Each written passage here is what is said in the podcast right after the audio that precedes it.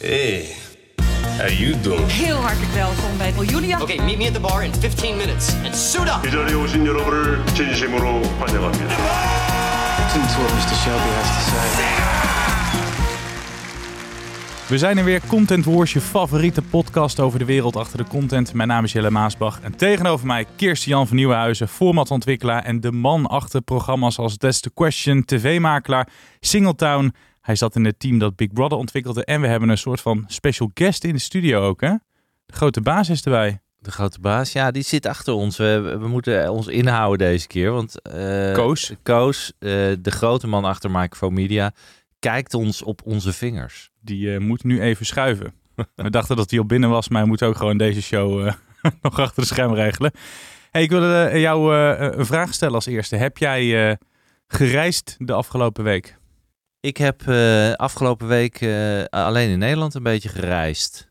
Geen, eh, Geen buitenlands. Ik Geen doe op zich relatief weinig buitenlandse reizen lately, Jelle. nou, ik vraag dit slecht bruggetje omdat we het gaan hebben over Route TV. Formats waarbij het afleggen van een route centraal staat. Tina Nijkamp, hè, het kijkcijfer orakel van Nederland, die voorspelde eerder hier in Content Wars dat dat de trend zou zijn van dit jaar. Dan moet je denken aan Sinan op zoek naar het paradijs. Dat loopt nu bij de NPO. Dat doet het qua kijkcijfers ook best wel goed. Ja. Race Around the World vanaf eh, maart bij RTL 4 te zien. En eerder ook programma's als eh, Peking Express, Race om de Ringen en Denkend aan Holland. Dat moet dus helemaal het format van dit jaar gaan worden. Eerst maar eens, wat vind jij van dit type format? Nou, ik vind het op zich heel leuk, want over het algemeen geeft het hele mooie televisie. Ze zijn natuurlijk eh, vaak op reis in de meest prachtige eh, landen en locaties. En wat je ook zag na eh, de pandemie is dat in één keer de reistelevisie weer helemaal terug is. Al is het zo min mogelijk met het vliegtuig, om toch nog op een bepaalde manier een beetje woke te zijn. Lekker duurzaam. Eh, maar je ziet, eh, het gekke is, bij de, de meeste reisprogramma's, en we kunnen er nog een paar noemen, die komen allemaal bij de NPO vandaan. Dus dan zou je denken, nou, dat is de publieke omroep, die Ja. gaat minder reizen. Ja. Maar ja, wat je vergeet ook nog bijvoorbeeld onze man in Afghanistan, die net begonnen is. Ja. Prachtige eerste aflevering. Ehm eh, Reizen Waas. Ook natuurlijk weer eh, begonnen. Ook eh, was eerst in Nederland een tijdje, en, althans Europa, en gaat nu ook weer verder. Dan komt er nog Floortje. Nou ja, er zijn heel veel, echt, echt veel shows, vooral NPO. Maar je kijkt er wel graag naar. Ik kijk er zeker graag naar. Ik vind ook, eh, als ik eerlijk ben, de beste worden gemaakt door de VPRO. Eh, en dat is niet, eh, niet voor niks de omroep waar mijn zusje werkt. Oh, ik dacht ja, al. Mijn zusje Sanne. Of jij moet er nog het een is eigenlijk mijn oudere sturen. zus Sanne, dus even shout-out naar haar. Maar fantastische omroep vind ik over het algemeen wat de VPRO maakt. Eh, ook als het niet zou werken, maar eh, het helpt wel. Ehm, en, eh, en de NPO of uh, BNN-Vara maakt eigenlijk, dat zijn eigenlijk de twee belangrijkste omroepen bij NPO. Die, want Sinan is eh, BNN eh, en ook Floortje is ook eh, BNN-Vara. Tina zegt, dit wordt de hit van het jaar. Denk jij dat ook? Eh, nou, of het echte, de, de grote hit, hè, dan hebben we het over eh, anderhalf, twee miljoen kijkers. Dat denk ik niet. Want het zijn toch nog steeds wel voor een bepaald soort kijker die dat heel interessant vindt. Maar ze scoren bovengemiddeld goed. En ze worden ook heel hoog gewaardeerd. Want het zijn over het algemeen journalistiek hoogstaande programma's. eh, waar je echt ook heel veel van leert. En een hele andere cultuur leert kennen. En dat vind ik ook leuk. En het is gewoon ook heel mooi gedraaid. Veel met drones natuurlijk tegenwoordig. Sinds een paar Mhm. jaar worden die eigenlijk overal ingezet. En dat maakt het, geeft het nog een, nog een veel mooier beeld. Ja, straks veel meer over dit genre, maar eerst naar de rubriek waarbij jij, Kirsten van Nieuwhuizen, wekelijks bespreekt welk format veel beter kan. Dat kan veel beter. Ja, nou ja, deze week, eh, ik heb eh, gekeken van, kunnen we iets doen van de NPO? We hebben natuurlijk al SBS gehad en eh, RTL en, en nu gaan we de, de NPO doen. Een van de nieuwe shows van NPO is in plaats van Kassa gekomen en dat is Testcase. Ehm, en dat scoort niet heel lekker, Nee. moet ik eerlijk zeggen.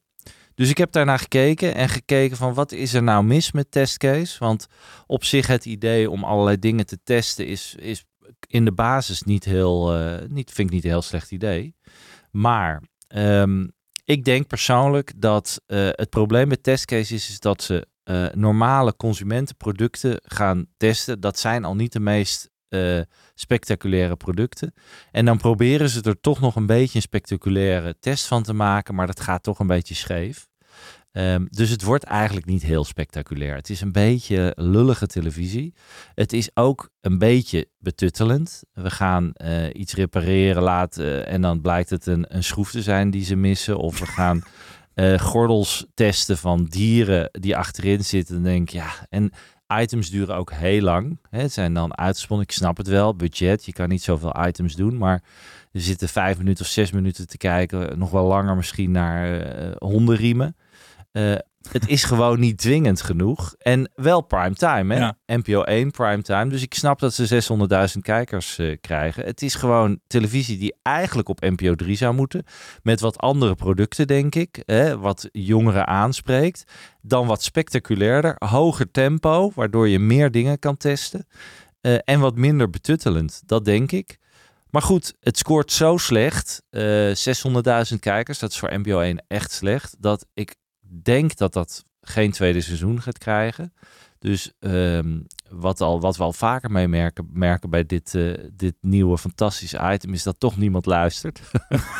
Ze luisteren niet naar jou. Ze luisteren helemaal niet erbij. Story Dit is gewoon een gratis podcast, gratis advies Gratis van de advies. grote Kirstjan van Nieuwenhuizen. En daar doen ze niks mee. Ze doen er niks mee. Ehm, maar goed, maakt helemaal niet uit. Eh, we gaan gewoon lekker door ermee. En ehm, ja, testcase gaat hem dus denk ik niet meer worden. Terug naar eh, ons eh, thema Route TV. Reizen, vaak in het buitenland. Dan denk ik een grote ploeg die erbij komt kijken. Veel vliegtickets, hotels, locaties. Dat is dan toch een peperduur format.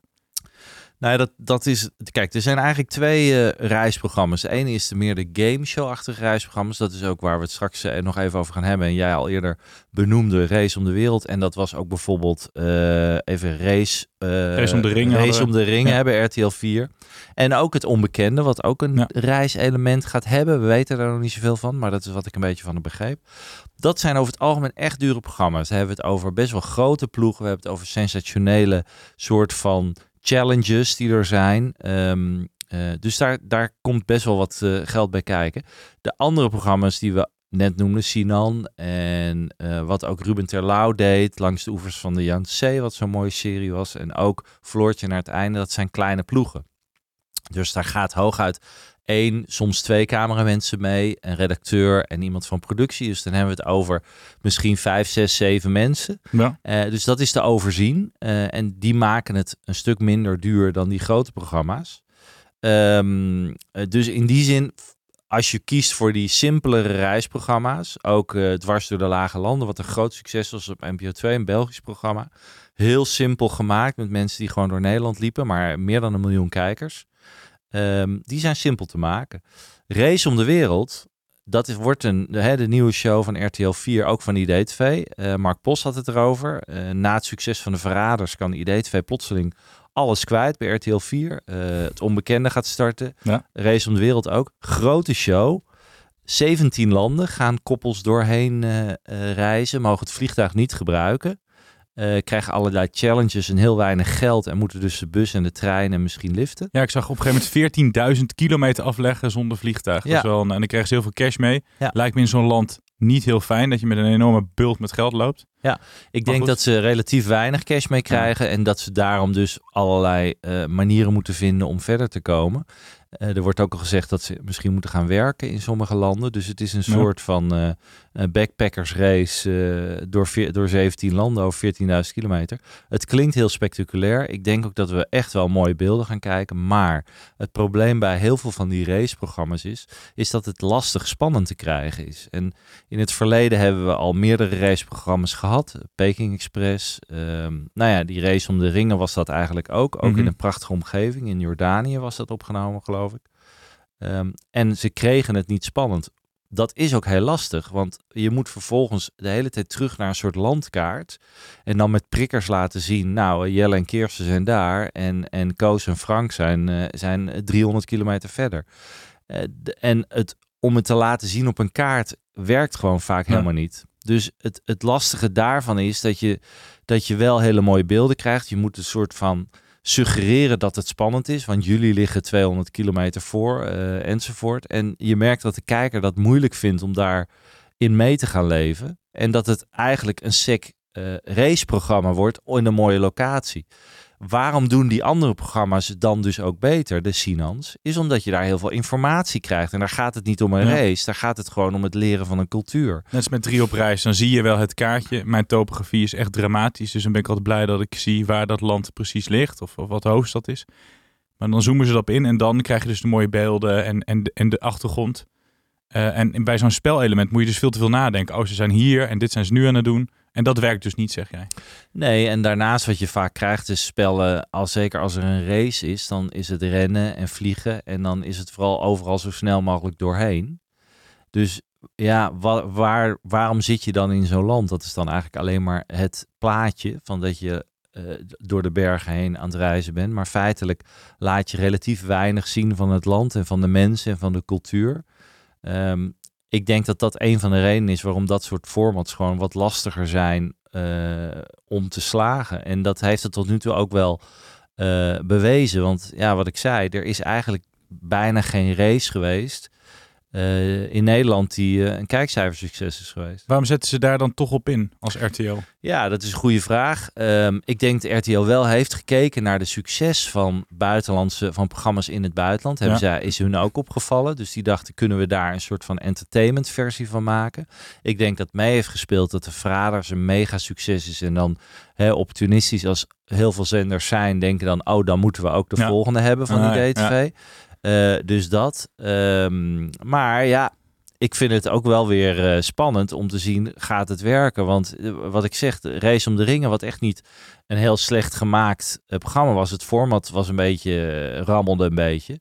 Zag er wel mooi uit. Ja, dat scoorde voor geen meter. Dus ik vind het ook wel weer moedig van RTL dat ze het aandurven om gewoon weer zoiets te gaan doen. Eh, NPO die zet er dus steeds meer op in. Is het slim dat de publieke omroep zich op dit eh, type format richt?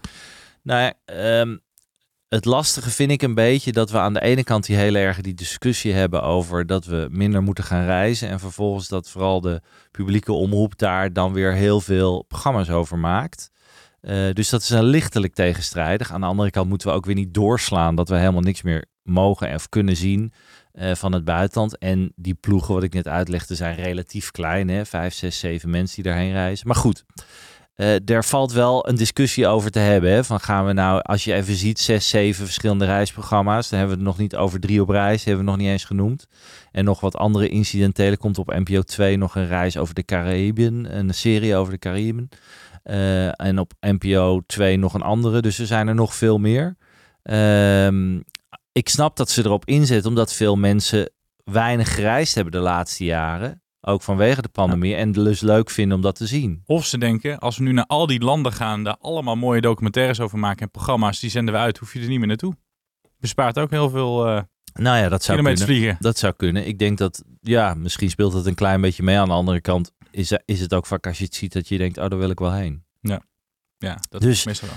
Het is een, eh, weet je, ook daarin zijn ze natuurlijk gewoon, proberen ze opportunistisch te zijn en denken ze van, mensen vinden het leuk om het te zien, dus we gaan het maken. En we proberen dan niet te veel te vliegen en dan kunnen we het, kun- komen we ermee weg, zolang we maar met de trein of de elektrische auto gaan. Is dit een genre dat zichzelf eh, steeds weer kan, kan uitvinden? Of is het gewoon een heel simpel format wat altijd een beetje hetzelfde blijft? Nou, wat je wel merkt is dat het belangrijk is, is dat de mensen die daar naartoe gaan de taal spreken. Hè? Sinan spreekt de taal, die gaat natuurlijk naar Mesopotamië, eh, of althans Irak, en voorheen was dat Mesopotamië. Eh, die spreekt die taal. Eh, Ruben Terlouw spreekt Chinees, deed die items daar. Ja. Eh, ehm, eh, Thomas Erdbrink, die spreekt ook de taal die in Afghanistan is. Dus dat scheelt heel erg, waardoor je echt wel veel meer uit die mensen kan krijgen. Ik denk dat dat essentieel is. Dus dat je iemand hebt die, die andere gesprekken kan voeren dan gewoon iemand die in het Engels probeert om contact te leggen. Ehm, Floortje had daar ook heel veel succes mee, maar ging weer Nederlanders opzoeken, waardoor het weer ehm, eh, toch wel heel, eh, je heel goed kon identificeren met zo iemand die ergens op het einde van de wereld leefde. Ehm, maar ik denk dat we het voorlopig nog wel blijven houden. Ik denk dat, we, dat er voor heel veel mensen nog heel veel te ontdekken is in heel veel landen. Ehm, en dat ook mede omdat er toch ook veel onduidelijkheid is over bepaalde culturen. En misschien wel wat angst. Hè? Als je kijkt naar eh, het Midden-Oosten, Afghanistan, misschien Rusland. Dat er op een gegeven moment ook wel weer iets komt over Rusland, omdat wij daar heel veel vooroordelen hebben, dat je toch een andere kant kan laten zien van zoiets. En dat is op zich wel mooi. Eh, dus ik hoop, ik, ik op zich, ik vind het wel fijn dat we, dat we dit soort programma's er zijn. Ik hoor weer jouw eh, e-mailprogramma op de achtergrond. Die vergeet jij. Ik zet hem altijd uit, maar ik krijg een waarschuwing. Ik krijg een waarschuwing van Koos dat ik gewoon wat sneller doorheen moet. Die app me nu. Oh nee, Koos zit alleen maar op zijn mobiel te kijken, dus die krijgt toch niks mee van, eh, van de hele uitzending. Hey, tot slot, eh, als jij een reisprogramma zou mogen maken, waar zou jij dan naartoe gaan? Nou, ik begreep dat jij onlangs in Las Vegas bent geweest. ja, dat Even klopt. een meest verschrikkelijke plaats op me. Vind je ook niks, toch? Ik vond het verschrikkelijk. Ik ook. Eh, eh, mij lijkt het op zich wel leuk om een reisprogramma te maken over hele verschrikkelijke plekken. Ja.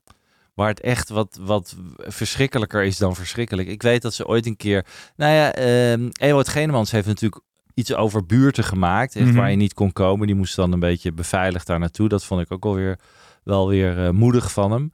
Ehm, maar om een programma te maken over juist niet, helemaal geen mooie plekken of plekken waar je niet doodgevonden wil worden, dat, dat zou ik ook wel eens origineel vinden. Ik weet niet hoeveel afleveringen je daarvan wil zien. Nou, ik denk dat er best wel veel, eh, veel landen zijn. Ik ben een keer Sunny Beach geweest in Bulgarije. Oh ja, dat, Dat, ja, ja. was, dat Ja. staat echt hoog op het lijstje. Of, of ergens die- plek in China. Ja, van die Benidorm-achtige dingen in Ja. China. Ja. dus dat, dat, ik weet niet of ik dat zou willen maken, want ik, ik- eigenlijk hou ik er helemaal niet van, dat soort verschrikkelijke plekken. Maar dat komt in één keer in me op dat ik dacht, dat heb ik nou nog nooit gezien. Kan wel leuke route tv opleveren. Ik, ik kan wel lekker losgaan daar, lekker kankeren op alles, hoe slecht alles is. Want ik vond, voor mensen die naar Las Vegas moeten, mijn god, dat is Ja. toch echt het walhalla der wansmaak. Ja, heel veel hoerige kermislichten. Er was geen normaal ontbijt, geen normale lunch. Er waren wel leuke mensen waren er op dat moment. Ik heb me wel vermaakt. Ja. Maar eh, ja, je moet ongeveer je nieren afstaan als je gewoon een eh, koffie wil bestellen. Dat is dan ook wel weer jammer.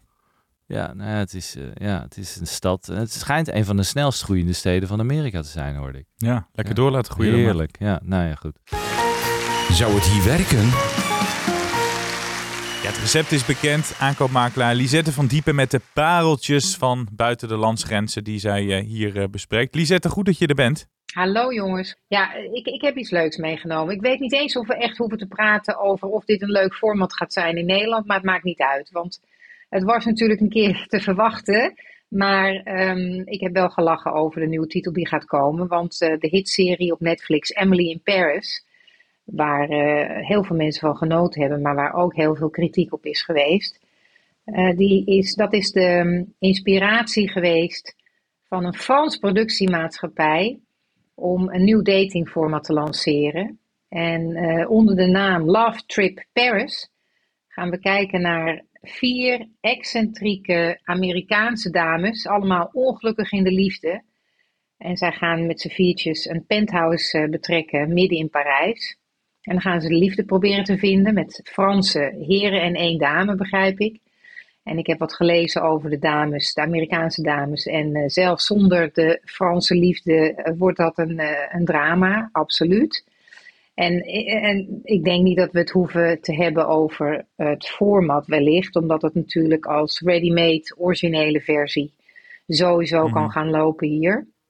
Maar het, het, het, het is eh, duidelijk dat ook nu weer een eh dramaserie eh, de, ja, de, de inspiratiebron is voor een entertainmentformat.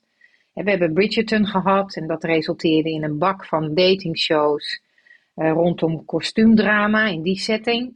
Nou, Netflix is natuurlijk bezig met een grote reality format rondom ehm, de uberhit Squid Game.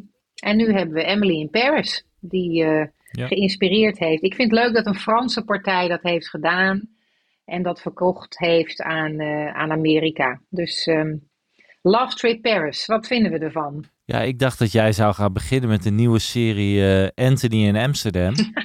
dat een soort van dat de Fransen een dramaserie eh, Anthony, Anthony in Amsterdam eh, zouden gaan maken. Maar ik snap het natuurlijk helemaal. Ja. Ik las een artikel dat er enorm veel aanvragen zijn vanuit Amerika en Engeland voor huizen in Parijs. Dat Ja. allemaal rijke Amerikanen graag in Parijs een buitenhuis willen hebben. Naar aanleiding van het succes van Emily in Paris. Dus ik snap, opportunistisch als vele productiemaatschappijen zijn, dat we denken wij liften daarop mee, op die eh, hype voor Paris. En we gaan daar eh, een, eh, een datingprogramma over maken.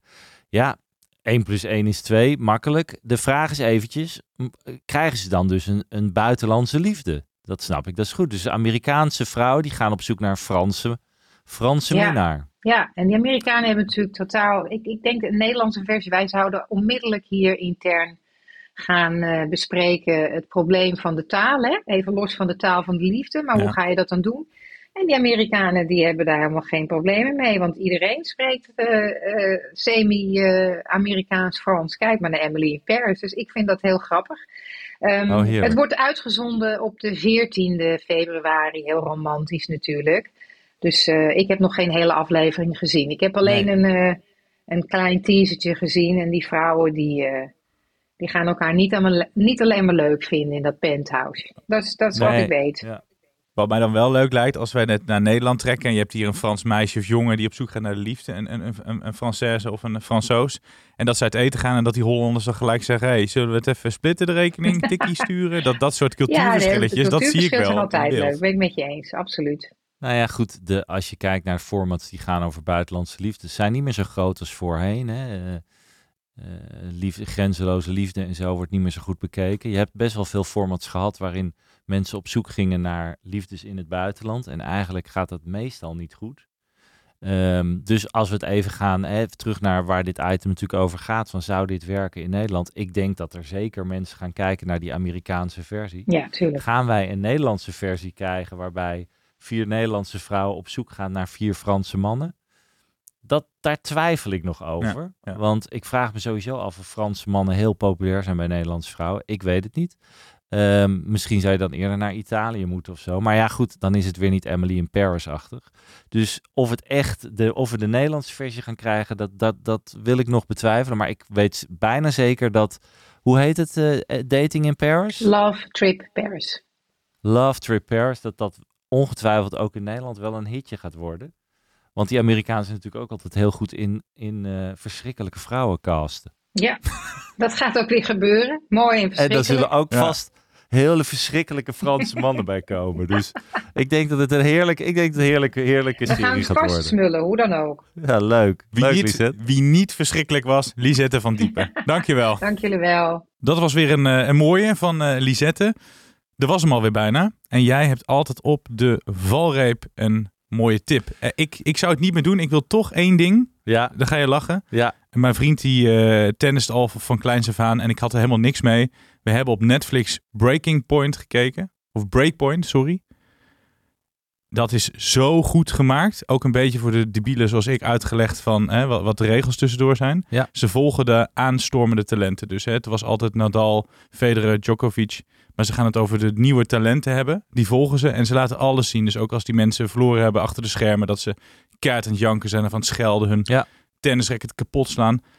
Daar moet je echt gaan kijken. Ook als je, zoals ik, van tevoren niet veel met tennis hebt. Ik had daarna echt zin om een tenniswedstrijd te kijken. Dus dat is een tipje die ik even toch ga doen. Nou, vind ik een leuke tip. Eh, ik heb vroeger tennis, dus ik ga, ik ga zeker kijken. En het, je stipt daar iets heel interessants aan, waar we het misschien een andere keer nog uitgebreid over kunnen hebben. Namelijk, streamers willen steeds meer sport gaan doen. Hè? Streamers willen steeds meer live events gaan doen. Mhm. Alleen Netflix heeft wel besloten om niet ehm, te gaan bieden op voetbal en de allerduurste, want dat is echt wel, zijn wel echt wel de allerduurste rechten. Ehm, dus wat heeft Netflix besloten? Laten, kunnen we proberen om ons ergens in te werken in een sport wat niet zo duur is en dan later daar live events van te gaan Ah. uit. En dat is waarschijnlijk wat ze met tennis gaan proberen te doen. Ze hebben gekeken al, weet ik, Inside, da- naar de rechten van een aantal tennis-events. En dan waarschijnlijk niet Wimbledon, want dat is waarschijnlijk dan wel weer heel duur voor Roland Garros. Maar wel de wat kleinere. En het zou mij niet verbazen als zij op langere termijn die wedstrijden live gaan uitzenden. En nu al de opmaak ma- hebben met dit soort spectaculaire Ja, ja. Wauw. documentaires. Mensen lekker te maken al ervoor. Juist, en dat hebben ze natuurlijk ook met eh, die fantastische documentaire serie over Formule 1 gedaan, waardoor Formule 1 in Amerika heel populair is geworden, veel populairder. Formule 1 was helemaal niet populair in Amerika, is het nu veel meer door die enorm eh, goede eh, serie, vier seizoenen.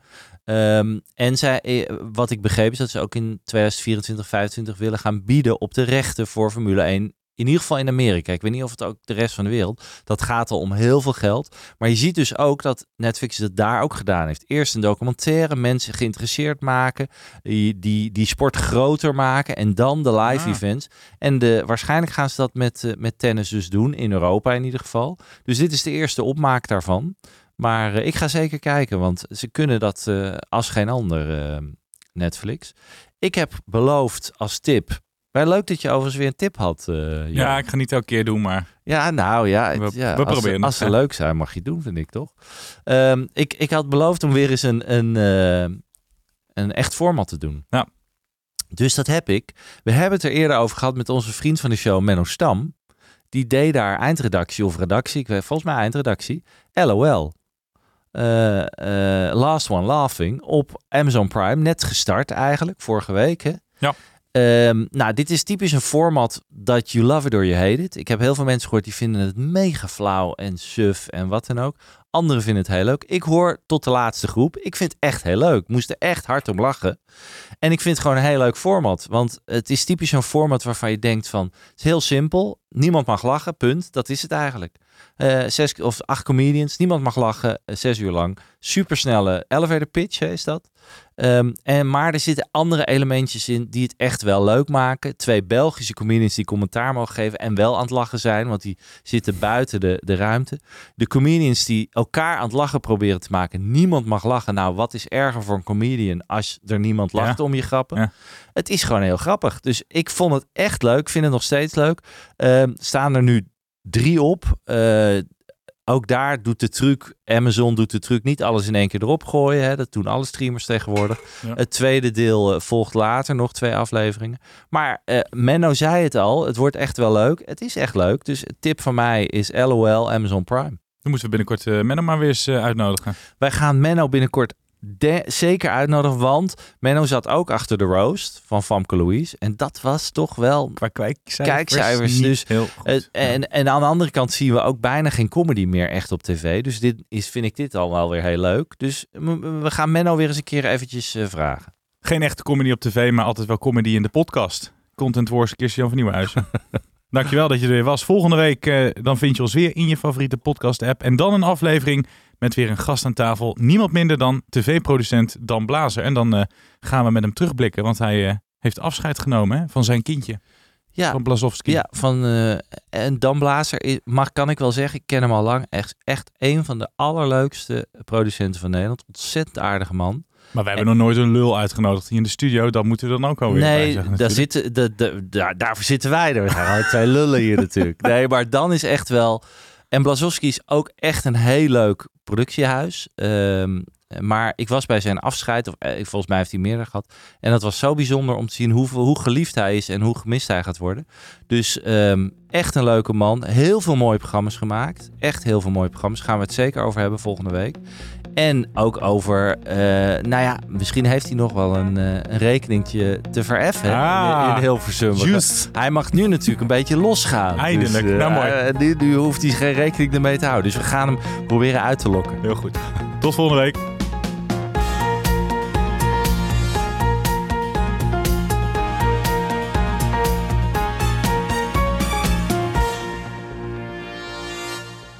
Ben jij content met deze content? Vergeet je dan niet te abonneren op Content Wars.